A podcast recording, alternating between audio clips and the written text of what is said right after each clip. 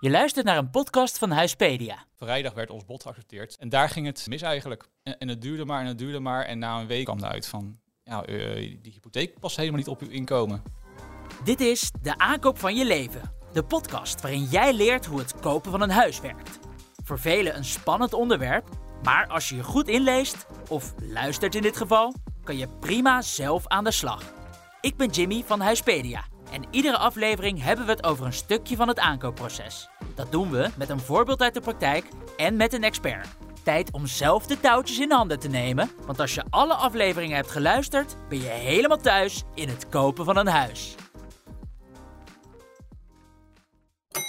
Hypotheek en studieschuld. Veel mensen die een huis gaan kopen hebben niet zomaar dat bedrag liggen om de verkoper te betalen. Dus kom je al snel uit bij een hypotheek. Maar wat is een hypotheek eigenlijk en hoe krijg je die? Daarom gaan we het deze keer hebben over hypotheken en over studieschuld. Want een studieschuld heeft nogal een effect op de hypotheek. En daar kan Joffrey Paardenkoper, de ervaringsdeskundige van deze keer, over meepraten. Hij zag bijna nog de koop van zijn droomwoning aan zijn neus voorbij gaan. En met de expert van deze keer, Ronald Klapwijk van NIBC, die uitlegt wat is een hypotheek en waar moet je goed op letten. Welkom. Dankjewel. Ja, dankjewel ook. Nou, leuk dat jullie er zijn. Laten we even beginnen bij, uh, bij uh, Joffrey. Um, vertel, wie ben je en uh, waar woon je nu? Nou, mijn naam is uh, Joffrey Paardenkoper. Ik ben uh, 29 jaar en sinds vorig jaar december ben ik gaan wonen in, in Epe samen met mijn vriendin, kat en een hond. En in het dagelijks leven ben ik data-analyst bij DNPM en dat is een portfolio manager in, in hypotheken. Hoe kom je zo in Epe terecht? Ja, dat is best wel een, een reis geweest. ik ken mijn vriendin al vanuit onze studententijd in, in Rotterdam. En uh, in coronatijd zijn wij uh, naar, uh, naar Putten verhuisd. om ja, eigenlijk meer in de buurt te zijn van mijn, van mijn schoonfamilie. Die komt uit Epen. En nou ja, uiteindelijk toch de stap gewaagd om ook in Epen te gaan, gaan wonen. Heel dicht bij de schoonfamilie. Ja, en hoe, hoe verliep die zoektocht? Nou, op zich best wel makkelijk. Ehm, we kijken dan op, op internet van ja, wat voor woningen komen te koop. En uiteindelijk hebben we ons eerste huis dat wij bezittigd hebben, is het ook geworden. Dus dat is, is, dat, is dat heel erg uh, vlot gegaan, gelukkig. Wel een beetje geluk bij nodig had, maar uh, ja, mocht niet klagen dat, op, dat opzicht. Laten we even bij het begin uh, beginnen. Want je zegt dus, nou, in de zoektocht, was eigenlijk het eerste woning die, we, die we op het oog hadden, die, die was het gelijk. Um, hoe heb je van tevoren je budget bepaald? Nou ja, toevallig is een, een goede vriend van mijn schoonvader, die is hypotheekadviseur. Dus we zijn met hem eigenlijk in eerste instantie om de tafel gegaan om te kijken van ja, wat is eigenlijk ons budget en uh, ja, ook onze ja, specifieke situatie. Uh, mijn vriendin heeft namelijk een, een studieschuld nog uh, uit haar studententijd. Ja, van wat kunnen wij nou eigenlijk lenen? En um, had je daarvoor nog, voordat je bij de hypotheekadviseur kwam, al een beetje onderzoek gedaan naar dit is een beetje ons, uh, ons, ons budget of hier moeten we aan denken? Ja, op internet kan je uh, heel veel uh, tools vinden om eigenlijk je hypotheek te berekenen. En ja, dan komt er vaak ergens een richtingsbedrag uit waar je wel iets mee kan. Toen zijn jullie dus bij de, bij de hypotheekadviseur gekomen. Was het lastig om vervolgens met, met die adviseur het budget te bepalen? Nou, dat op zich niet. Het was wel redelijk eigenlijk klip en klaar wat onze situatie nou precies was. Toen hadden jullie een huis op het oog. Klopt. Heb je gelijk geboden? Ja, klopt. Na de bezichtiging hebben wij al een paar dagen bedenktijd om te, om te bieden. Nou, uiteindelijk hebben wij een, een, een bod ingediend. Dat werd, uh, werd geaccepteerd. En vervolgens zijn we eigenlijk in hetzelfde weekend nog, op vrijdag werd ons bod geaccepteerd. Uh, op uh, zondag zijn wij met onze hypotheekadviseur gaan zitten. Van ja, we willen de, de aanvraag gaan indienen. omdat ook dat moment nog, was begin september, de hypotheekrentes begonnen weer te stijgen. Ja. Want we wilden er snel bij zijn. En, nou ja, en daar ging het mis eigenlijk. Ja, want, want vertel, hoe ging dat mis? Nou, we hadden dus onze aanvraag ingediend en daar hadden we ook uh, expliciet in bijgezet dan. De studieschuld is zo hoog en die valt onder het nieuwe stelsel. En daar, daar kwam natuurlijk ook het richtbedrag uit van wat wij zouden maximaal kunnen lenen. En we hadden ook uh, ons aanvraagbedrag, uh, waarvoor wij de hypotheek wilden hebben, ook ja, op het maximale gezet wat we zouden kunnen lenen. En, en, het duurde maar en het duurde maar. En na een week eigenlijk was onze aanvraag nog steeds niet beoordeeld. Terwijl normaal gesproken zou dat binnen twee werkdagen gedaan moeten zijn. Ja. En uiteindelijk is mijn adviseur erachteraan gegaan en ineens kwam eruit van, ja, uh, die hypotheek past helemaal niet op uw inkomen. Nee, dus je, dus je, had, al, je had toen al geboden? Ik had toen al, het bod was al geaccepteerd, onder, gelukkig onder voorbehoud van financiering. Ja. Um, ja, maar ja, alsnog, uh, je wil gewoon uh, zo snel mogelijk het rondkrijgen. En uh, ja, je wil eigenlijk geen vertraging hebben in heel proces. Die studieschuld, laten we daar even op, ja. wat verder op ingaan. Door door een studieschuld kun je minder lenen. Maar volgens mij heb jij ook nog ervaren dat er ook nog verschillende regels uh, voor zijn. Klopt inderdaad. Uh, er schijnt een uh, verschil te zijn tussen of je een studieschuld hebt in het oude stelsel, en dat is voor 2015, of in het nieuwe stelsel. Mijn vriendin heeft een, een studieschuld uit het nieuwe leenstelsel. Daar gelden andere, ook andere normen voor als je een hypotheek wil nemen. Want onder het nieuwe stelsel moet je dat binnen 35 jaar je, je studieschuld afgelost hebben. Terwijl onder het oude stelsel dat binnen 15 jaar moet. En dat op zich is dat wel relevant, want uiteindelijk komt dat op neer dus dat je onder het uh, nieuwe stelsel zou je meer hypotheek kunnen krijgen dan onder het oude stelsel. Nou ja, dan begin denk ik toch wel te zweten als je, nou je hebt een bod uitgebracht, gelukkig onder voorbehoud van financiering. Wat zegt dat eigenlijk, onder voorbehoud van financiering? Nou, als je binnen een bepaald termijn, uh, je geeft een aantal weken eigenlijk op uh, waar binnen jij je financiering geregeld wil hebben. Nou, um, heb je binnen die aantal weken niet je financiering rond, dan kan je nog van de koop afzien. Ja, gelukkig was dat zo. Maar je begint toch wel te weten, want je denkt, ik heb een bod uitgebracht, dat is geaccepteerd. Ik krijg die hypotheek nu in één keer niet rond. Nee, precies. En je gaat ook twijfelen uh, van, nou, we, we, hebben het wel goed gedaan eigenlijk. Is mijn hypotheekadviseur eigenlijk wel betrouwbaar? En, ja. en ook, hoe kan het nou dat je uh, om de tafel zit met je hypotheekadviseur en dan komt uh, getal 1 uit en je gaat indienen en dan komt ineens een heel ander getal uit wat je zou kunnen lenen. Dat, dat, dat, dat, dat klopt er niet. Nee, en, en wat was de reden daar uiteindelijk van? Nou, de reden was uiteindelijk dus dat de, de gelverstrekker had automatisch gerekend met het oude stelsel, alsof de studieschuld onder de oude stelsel viel. Terwijl wij dus echt expliciet neer hadden gezet in, onze aanvraag van ja, het valt onder het nieuwe stelsel, dus we zouden nou, meer kunnen lenen. En dat, dat ging echt best wel om een substantieel bedrag. Het zou om 15.000 euro gaan, wat je uh, minder zou kunnen lenen onder het oude stelsel. Ja, daar kwam je gelukkig achter. Daar kwam inderdaad ook mijn ervaring, dus in mijn werkzame leven kwam wel naar voren. Omdat ik, ik werk namelijk uh, zelf ook met, uh, ja, met inkomenstoetsen en uh, nou ja, daar, kom, daar reken je ook met studieschuld. Eigenlijk ging daar wel heel snel wat bezig rekenen van, hé, hey, daar zou we misschien aan kunnen liggen. En ja, dat bleek het eigenlijk dus ook, te zijn. Gelukkig wist ik dat en hebben we het heel snel kunnen rechtzetten. Maar ja, je wil niet weten wat daar wat had kunnen gebeuren als je ja, niet heel snel op, daarop kan acteren. Nee, je kwam erachter, je dacht dit is misschien het probleem, je hebt het aangekaart en toen kon het alsnog... Uh... binnen, binnen, nou, binnen uh, een middagje was het uh, goed geregeld, kwam de offerte en konden we tekenen en ja, hadden we eigenlijk de, onze eerste stap gezet in het uh, kopen van ons huis. Nou, gelukkig maar. Uh, gefeliciteerd in ieder geval met, uh, met de aankoop. Ja, dankjewel. Gaan we even naar nou, onze expert hier aan tafel, Ronald. Ehm, ja, welkom. Je bent verantwoordelijk voor sales bij NIBC Direct. Um, zou je wat over jezelf kunnen vertellen? Ja, ik woon in Amsterdam. Ik zit al heel lang in het hypothekenvak. En ik werk sinds 2015 bij NIBC. NIBC Bank, dat is eigenlijk de, de naam van de bank. En NIBC Direct is het label waaronder wij hypotheken aan consumenten verstrekken. En jullie hebben ook uh, recent uh, nou, de jaarlijkse prijs voor beste hypotheekverstrekker gewonnen. Gefeliciteerd. Ja, dankjewel. Nou, volgens mij hebben we hier een goede expert aan tafel. Ehm, laten we even beginnen bij het begin. Ehm, want we gingen er eigenlijk al vrij snel overheen. Wat is een hypotheek? Ja, hypotheek is natuurlijk wat men in de volksmond de lening noemt die iemand, die iemand neemt om zijn huis te financieren. eigenlijk is dat niet het goede woord, want het is een hypothecaire geldlening.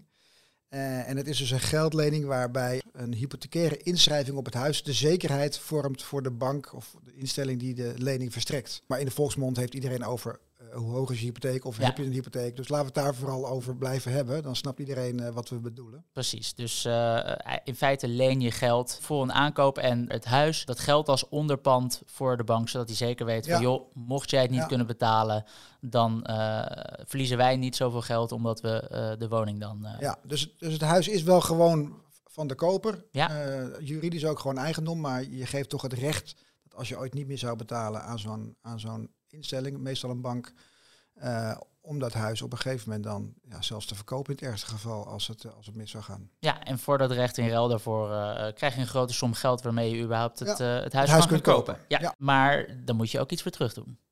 Want je betaalt rente. Ja, zeker. zeker. En ook aflossing zelfs. En aflossing, uh, Meestal. En als koper uh, betaal je dus uh, die grote lening in stukjes terug. Dat is dan de aflossing. Ja. En daarover betaal je ook nog wat je eigenlijk nog aan schuld hebt staan bij de bank. Daar betaal je rente ja, over. Klopt. Um, en dat betaal je iedere maand. Wanneer krijg je eigenlijk een hypotheek?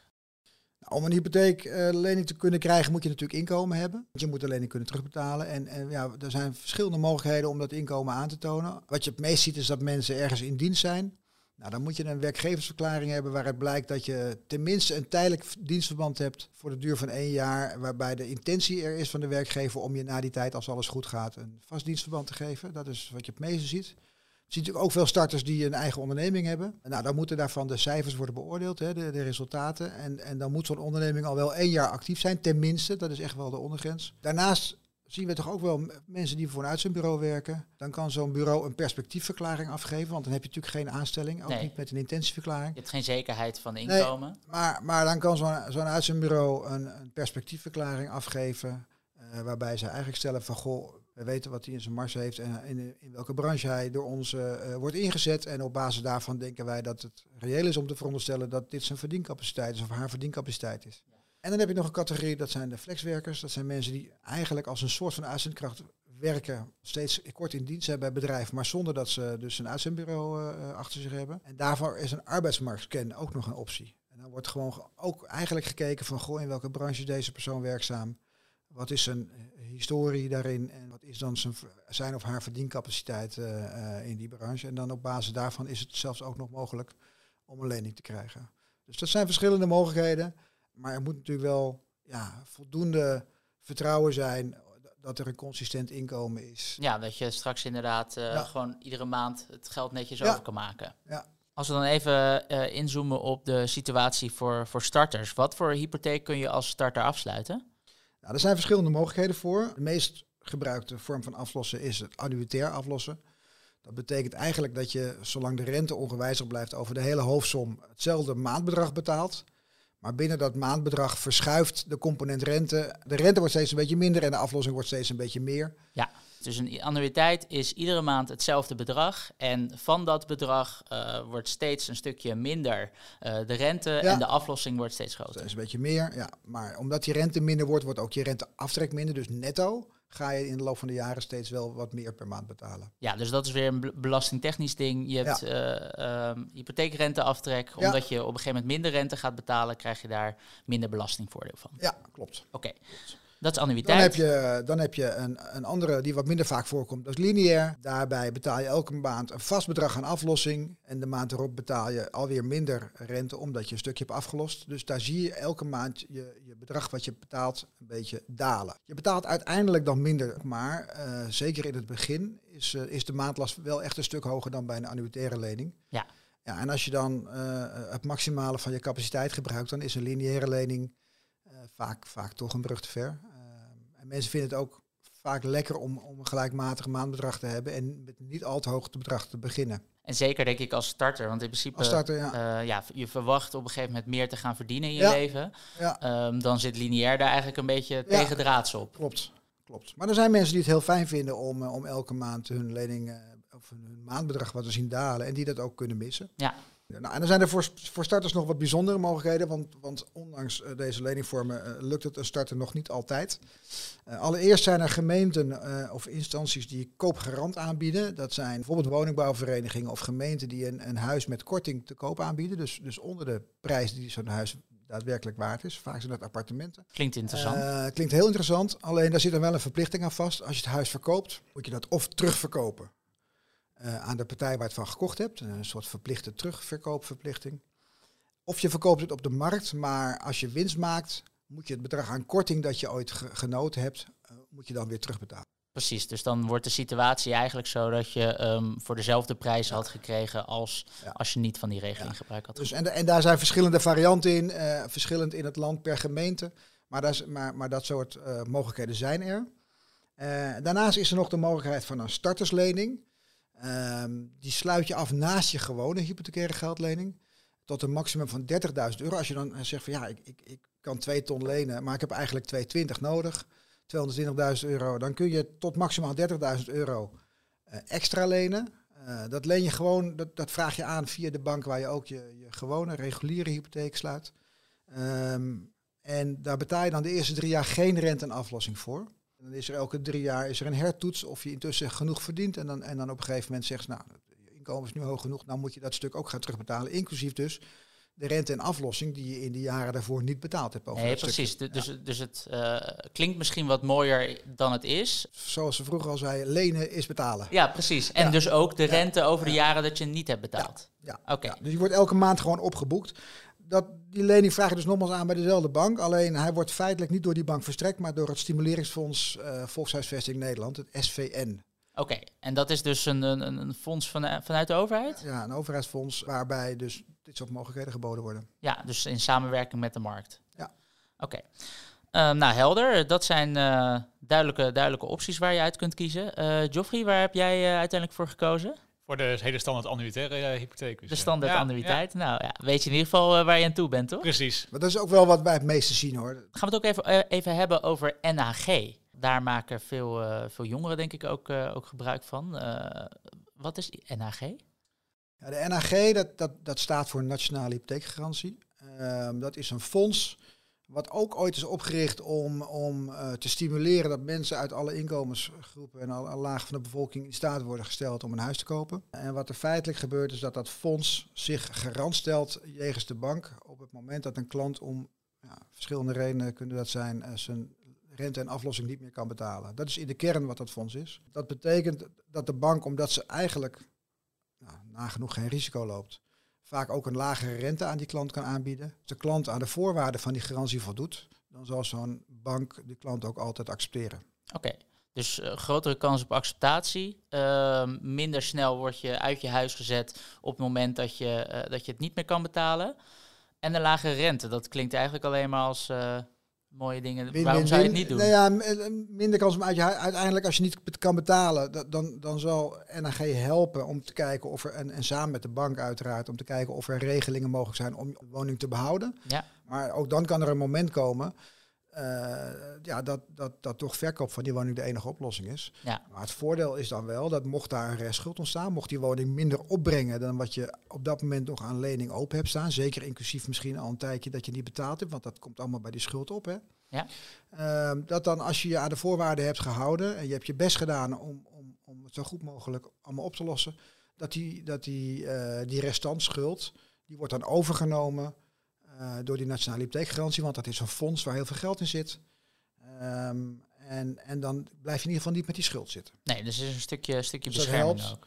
Om die nationale hypotheekgarantie te kunnen krijgen, eh, moet je als klant wel eh, bij aankoop van de woning eh 0,6% van de hoopsom van je lening storten om in dat fonds, zodat iedereen met elkaar, het is een soort verzekering in die zin, met elkaar dat fonds vullen om dan ja, daar waar dat nodig is kunnen uitkeren aan, eh, aan, aan banken om, om verliezen op te vangen. Precies, dus iedereen eh, die eh, gebruik maakt van de NAG-regeling, die legt ook wat geld in. Ja. En uiteindelijk is het idee natuurlijk dat er zoveel geld in zit dat voor eh, die paar eh, die het niet meer kunnen betalen, dat daar vanuit dat fonds dus eh, Ja. eh, een oplossing wordt Ja. gezocht. Het is voor eh, leningen eh, en dus ook voor, voor huizen tot maximaal 400 en 5000 euro. Ja. check. En ik zie dat dit bedrag voor 2024 ook is verhoogd van 405.000 euro naar 435.000 euro. Dus daar is 30.000 euro bijgekomen.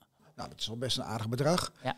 Eh, alhoewel, ik woon zelf in Amsterdam en, en, en daar zit je er al snel aan. Ja. Ehm, maar als je eh, tot 405.000 euro koopt of, eh, en, en wil lenen, dan kun je daar aanspraak op maken. Joffrey, heb jij eigenlijk eh, gebruik gemaakt van eh, NAG? Oké. Nee, helaas niet. Ondanks dat de huizenprijzen al wat lager liggen in Epe dan eh, in Amsterdam. eh, ja, nu had het wel gekund in dit jaar, maar omdat ik vorig jaar eh, mijn huis heb gekocht en toen lag eh, de grens een, eh, een stuk lager. Daarvoor kwam ik niet aan aanmerking vorig jaar, eh, helaas. Want eh, de rente was wel een stuk lager, inderdaad, zoals, zoals Ro- Ronald zei, eh, voor NAG. Ik ga even terug naar, eh, naar hypotheken. Want eh, nou, je noemde net al even banken. Waar kun je een hypotheek eh, afsluiten? Is dat bij, bij, bij alle banken? Nou, er zijn in, Nederland op dit moment zo'n, ik denk 35 à 40 eh, aanbieders actief die eh, geldleningen verstrekken om een huis te kopen. Dat zijn niet altijd banken, vaak wel, maar niet altijd. Er zijn ook andersoortige partijen, dat kunnen verzekeraars zijn. En in totaal dus zo'n 35 à 40 aanbieders in Nederland. Dus er is, echt, er is veel te kiezen voor klanten op dat vlak. Ja, wa- waarom zou je eigenlijk voor de ene partij kiezen en niet voor de ander? Nou ja, dat, dat kunnen verschillende oorzaken zijn. Wat, wat natuurlijk altijd een belangrijke driver is, een belangrijke motivatie om voor een aanbieder te kiezen, eh, is, is de rente. Hè. Veel klanten kijken primair naar de rente en dat, en dat snap ik ook heel goed, want dat is natuurlijk eh, voor een belangrijk deel bepalend hoe hoog de maandlast wordt. Tegelijkertijd bestaat een hypotheek uit meer dan alleen rente. Hè. Het gaat ook om voorwaarden. Hè, hoeveel mag ik ooit extra aflossen? Stel dat ik een, een bedrag beschikbaar krijg of stel dat ik ineens meer ga verdienen, ik wil extra aflossen. Hoeveel mag ik dan extra aflossen zonder dat ik een boeterente moet betalen. Helpen ze me goed als ik in de problemen kom? Hè? Hoe lang is mijn, eh, mijn, mijn offerte die ik krijg geldig? Want ik, als ik een paar maanden nodig heb om, om tussen aankoop, voordat ik naar de notaris ga, ja, dan moet ik dat aanbod wat ik heb, moet nog wel geldig zijn tegen de tijd dat ik naar de notaris ga, dat niet de rente ineens een stuk hoger blijkt te zijn tegen die tijd. Er zijn allerlei voorwaarden rondom een hypotheek. En, en ja, ik kan me voorstellen dat consumenten daar geen weet van hebben, want je doet dit maar een paar keer. En zeker als starter per definitie de eerste keer. Ja.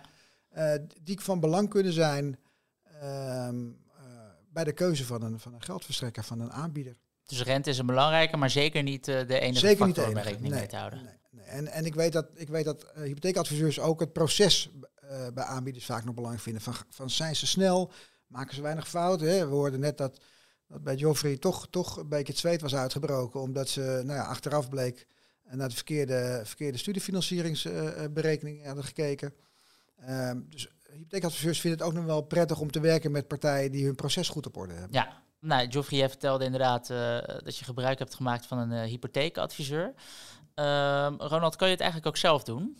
Heb je altijd dat een kan. hypotheekadviseur? Uh, is dat verplicht? Nee, het is niet verplicht. Uh, er zijn mogelijkheden om uh, zelf je hypotheek te regelen. Dat heet execution only. Maar dat betekent wel dat je al die zaken waar ik net over had, en er zijn er nog meer, ja, zelf moet bedenken hoe je daarmee om wil gaan. Hè. En dan moet je bijvoorbeeld ook nog nadenken over, heb ik een overlijdensrisicoverzekering nodig? Of wil ik die sluiten? Want stel dat ik of mijn partner komt te overlijden, kan de ander de lening dan nog betalen? En zo nee, hoe, hoe los ik dat dan op? Nou, met, met een overlijdensrisicoverzekering, maar daar heb je weer verschillende soorten in. Uh, je moet nadenken over wellicht over arbeidsongeschiktheidsverzekeringen. Want ja, als je arbeidsongeschikt raakt en je inkomen valt voor een groot deel weg, kan ik, kan ik de lening dan nog betalen? Uh, je moet nadenken over je pensioen wellicht. En dan zullen de gemiddelde starter die, die begin, begin 20 is of midden 20 nog niet zo mee bezig zijn. Uh, maar dat zijn wel zaken waar een goede adviseur met je over nadenkt. En dan kan het beste conclusie zijn dat je het niet hoeft af te sluiten. Maar je moet er wel over nagedacht hebben. En als je execution only doet, dan word je wel langs dat soort vragen geleid.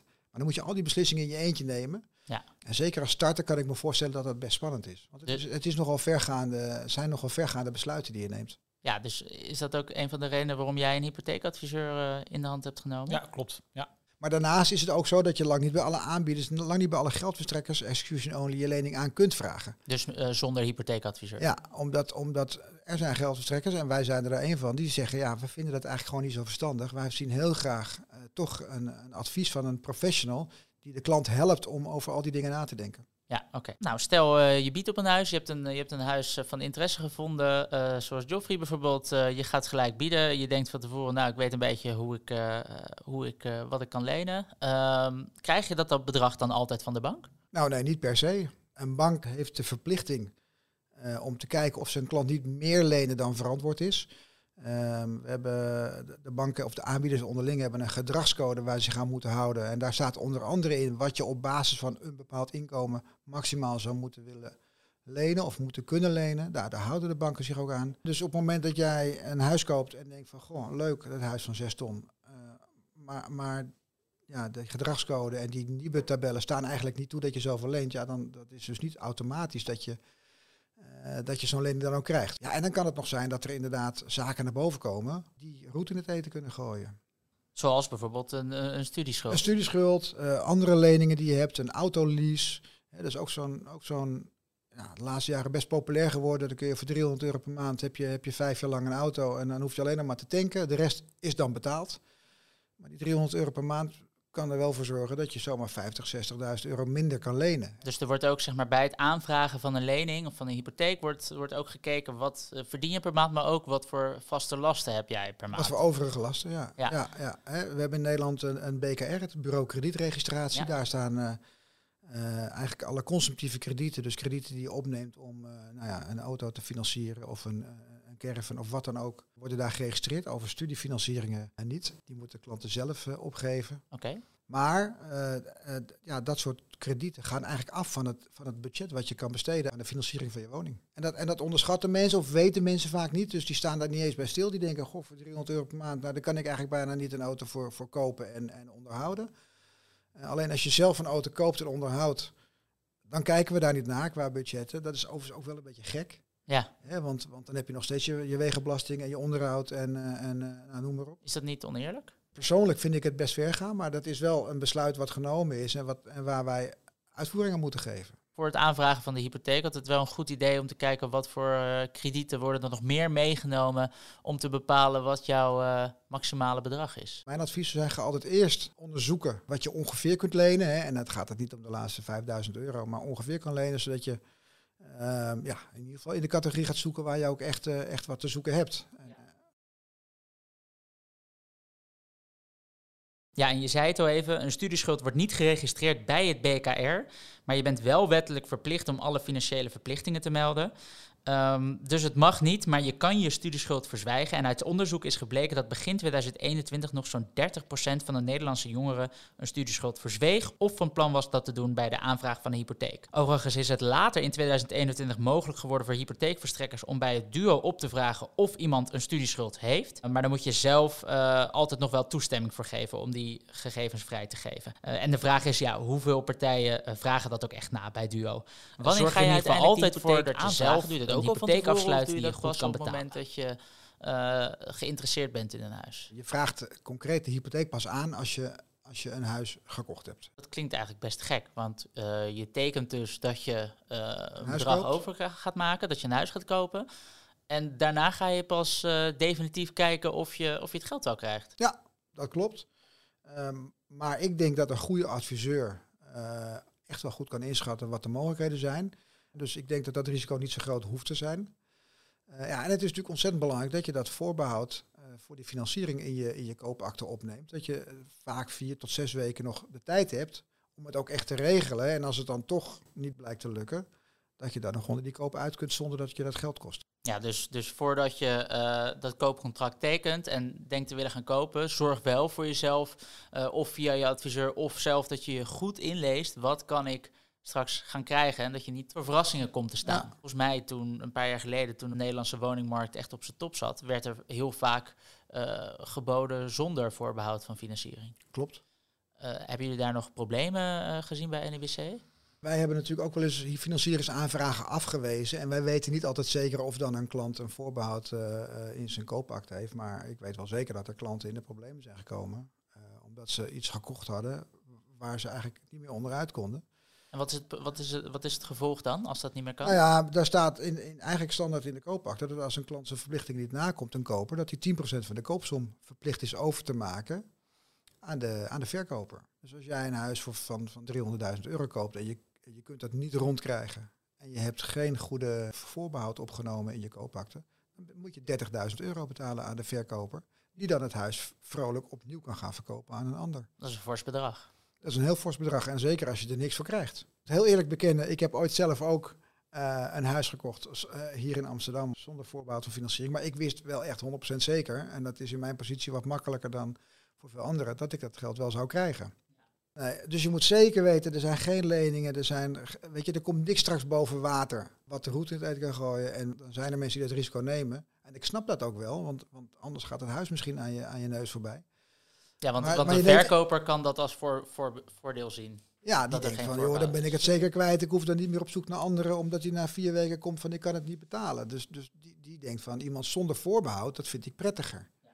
Intussen is die markt echt wel wat afgekoeld en, en, en is het helemaal niet zo'n probleem meer om het voorbehoud op te nemen. Dus check van tevoren inderdaad alles. En ook, uh, nou, Joffrey, in jouw geval, check ook goed of je met uh, uh, de goede regeling van studieschuld rekent. Altijd goed om even na te vragen, inderdaad. Want het kan dus nou, voor best wel een groot verschil zorgen. Tot slot gaan we nog heel even naar het onderwerp hypotheekverklaring. want dat is ook nog iets. Wat is, wat is een hypotheekverklaring? Er zijn aanbieders die gaan van tevoren al zwart op wit zetten. Luister, als jij binnen zoveel maanden een huis koopt, dan kun je hoe dan ook bij ons voor dit bedrag een lening krijgen. Er zijn er maar een paar die dat doen. Oké, en dan, dan ga je dus van tevoren leg je je situatie voor uh, bij, de, bij die partij. Al je spullen al inleveren. En, moet en je... die geeft jou dan garantie dat uh, je voor dat bedrag een lening kan afsluiten. Ja, dan moet je echt ook al alles inleveren, dus je, je salarisstrook, je werkgeversverklaring. En op basis daarvan zeggen ze dan, mits het aan te kopen pand, want dat is dan dus nog niet bekend, aan deze en deze, deze voorwaarden voldoet, kun jij bij ons maximaal zoveel lenen gegarandeerd. En wat is daar het voordeel van? Ja, het geeft mensen uh, dan, dan een soort van veiligheidsgevoel dat ze ook echt kunnen gaan bieden. Kan je dan ook uh, zonder voorbehoud van financiering makkelijker bieden? Ja, als je zeker weet dat je ook bij die geldverstrekker je lening af wil nemen wel. Dat, dat hoeft natuurlijk ook niet per se de goedkoopste of de beste aanbieder te zijn van dat moment. Dus dan, dan laat je wellicht ook wel weer wat. Hè, op het moment dat, dat een aanbieder die dat biedt een half procent een hogere rente zou hebben dan, dan een ander die dat niet biedt. Ja, een half procent uh, over 200.000 euro is veel geld. Hè? 30 jaar of, of 10 jaar lang of 20 jaar lang nagelang je de rente vastzet. Dus dat lever je dan ook wel weer in. Dus het kan handig zijn als het je echt uh, daarmee rust geeft. Maar er zit wel een keerzijde aan. Ronald, heb jij nog een tip die je mee zou willen geven? We hebben het er eigenlijk al, al een paar keer over gehad, maar ik denk dat het gewoon relevant is om, om naar een, in mijn ogen, uh, het beste een onafhankelijke hypotheekadviseur te gaan. Die hypotheekadviseurs hebben geen belang bij bank A of aanbieder B. Dat, dat, dat maakt hun niet uit, want de klant betaalt voor het advies en, en ze krijgen geen geld van die bank. Dus dan is de kans dat je bij voor jou beste aanbieder komt op dat moment het grootst. Joffrey, heb jij nog een tip? Nou, wat mij in ieder geval heel erg geholpen heeft, is dat ik uit een, uh, uit een huurwoning uh, afkomstig was. En bij het uh, doen van mijn bod op mijn huidige woning heb ik aangegeven, ik ben heel flexibel in de sleuteloverdracht. Voor luisteraars die, die momenteel in de huurwoning zitten of nog bij hun ouders thuis wonen en die een bod gaan doen op een eerste koophuis, ja, geef dat aan in aan je, in je bod. Want voor verkopers is het heel relevant dat zij dus zelf mogen kiezen wanneer een sleuteloverdracht is. Want voorkomt dat voor hen in ieder geval dubbele maandlasten. Dat is ook heel veel waard. Mooie tip. Ook nog een onderwerp dat in de aflevering over onderhandelen aan bod komt. Belangrijkste punten uit deze aflevering. Zorg ervoor dat je je van tevoren goed inleest. Dat je goed weet wat een hypotheek is, maar ook wat je aan hypotheek kunt krijgen. Um, als je daar niet zeker over bent, maak gebruik van een onafhankelijke adviseur. En let er dus goed op dat alle gegevens goed zijn ingevuld en er bijvoorbeeld met een goede studieschuldregeling wordt gewerkt. Hopelijk ben je als luisteraar weer wat wijzer geworden en kun je nu zelf goede keuzes maken rondom de aankoop van je huis. Vind je deze podcast leuk en nuttig? Volg hem dan in je favoriete podcast-app en laat dan ook gelijk een review achter. Dan krijg je direct een melding als er een nieuwe aflevering online staat en help je ons en toekomstige huizenkopers. Heb je nog vragen? Stuur een mailtje naar info.huispedia.nl en dan beantwoorden we die graag. Ronald, bedankt. Joffrey, bedankt. En dank. Graag gedaan. En voor alle luisteraars, tot de volgende aflevering.